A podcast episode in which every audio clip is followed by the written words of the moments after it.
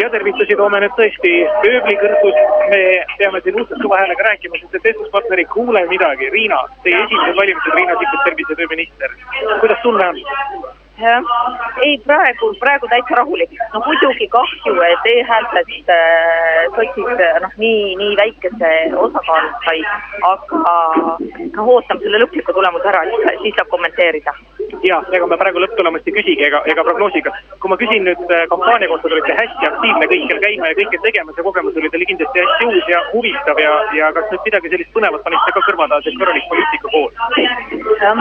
vot ma ei oska küll öelda ühte või mingit paari sellist asja, mida kindlasti meelde jätta või mis, mis kasuks tuleb, et ma, ma arvan, ma pean mõtlema selle üle järgi, et siis, siis võib-olla oskan öelda.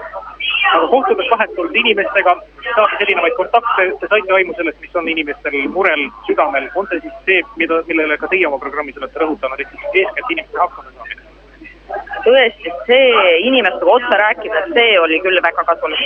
et noh, aga huvitav ongi see, et kõigil on mingisugune mure, ükskõik, kas see on hooldekodu koha kättesaadavus, ravijärjekord, rahulolematus perearstiga või vastupidi, rahulolu, tänutunne arstide osas, kes on nii palju nende tervise jaoks teinud. Neid lugusid on väga erinevaid ja kõigil on mingi oma mure. aga noh, enamasti ma, ma ütleks ikka vist kättesaadavus, tervishoiuteenuste puhul pigem kättesaadavus. kas teie poole pöörduti ka selliste muredega, millega võib-olla mõned oponendid ja selgelt eristuvad oponendid on välja tulnud, et vabandust, aga miks te tahate siis viia kogu maksuraha siit Eestist välja või stiiliselt, miks te tahate migrante siia sisse? vot, vot selliseid äh, sellist kogemust mul tõesti ei ole, ma arvan, et kuna minu töö tõttu inimesed esimese hooga hakkavad ikkagi tervishoiust rääkima ja praktiliselt kõigil on kokkupuude tervishoiusüsteemiga olnud ja kas endal või, või lähedaste tõttu, nii et see on ikkagi teema, millest minuga esimeses järjekorras räägitakse. Te olete saanud nüüd reaalselt äh, eksperdina töötada oma eriala ministriks, kas see kogemus meeldib teile või meeldib teile, kui te saate jätkata?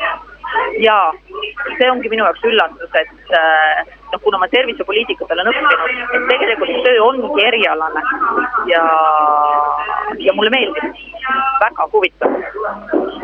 kas te mingisuguse digi olete isiklikke häälteotsust ka seadnud, ei, oskate midagi aimata? ausalt öeldes ei ole, noh kuna ma esimest korda kandideerin ja ma tõesti, kuna mina ise olen kogu aeg hääle andnud äh, noh, mõistlikule inimesele, et ükskõik, mis siis on olnud sotside loosung või programm, et äh, tõesti, et noh, kellelegi, kelle puhul ma arvan, et ta otsustaks enam-vähem samamoodi nagu mina. ja seega mul on väga keeruline aru saada, et mis on see, mida tuleb teha, et inimeste valimisotsust mõjutada. et noh, kuna minu otsuse mõjutamist noh, nagu toimus vähe või mul oli kuidagi see alati nii selge endal paigas.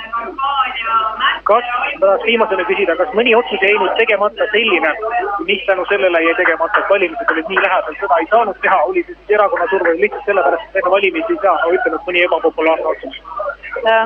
ei, tegelikult ebapopulaarseid otsuseid ei ole, aga noh, kõik, puudutab näiteks patsiendikindlustus või, või rahvusliku tervise arengukava, rahvatervise seadus et, et suured dokumendid, olulised muutused, millega ma oleks tahtnud kiiremini edasi liikuda, aga ega väärtus, tulebki teha kaasavalt, tulebki leida kompromiss, tulebki noh, ühiselt jõuda selle otsuse vastuvõtmiseni, nii et ja need asjad võtavad aega, ma oleks tahtnud need ära teha, aga ega, ega süda väga ka ei valu. aitäh teile, Riina Sikkut, ma soovin teile kindlasti libikaid kõhus tõenäosuse tulemuse selgumist ja edu, jõudu, ilusat valimisõhtu pidu! aitäh!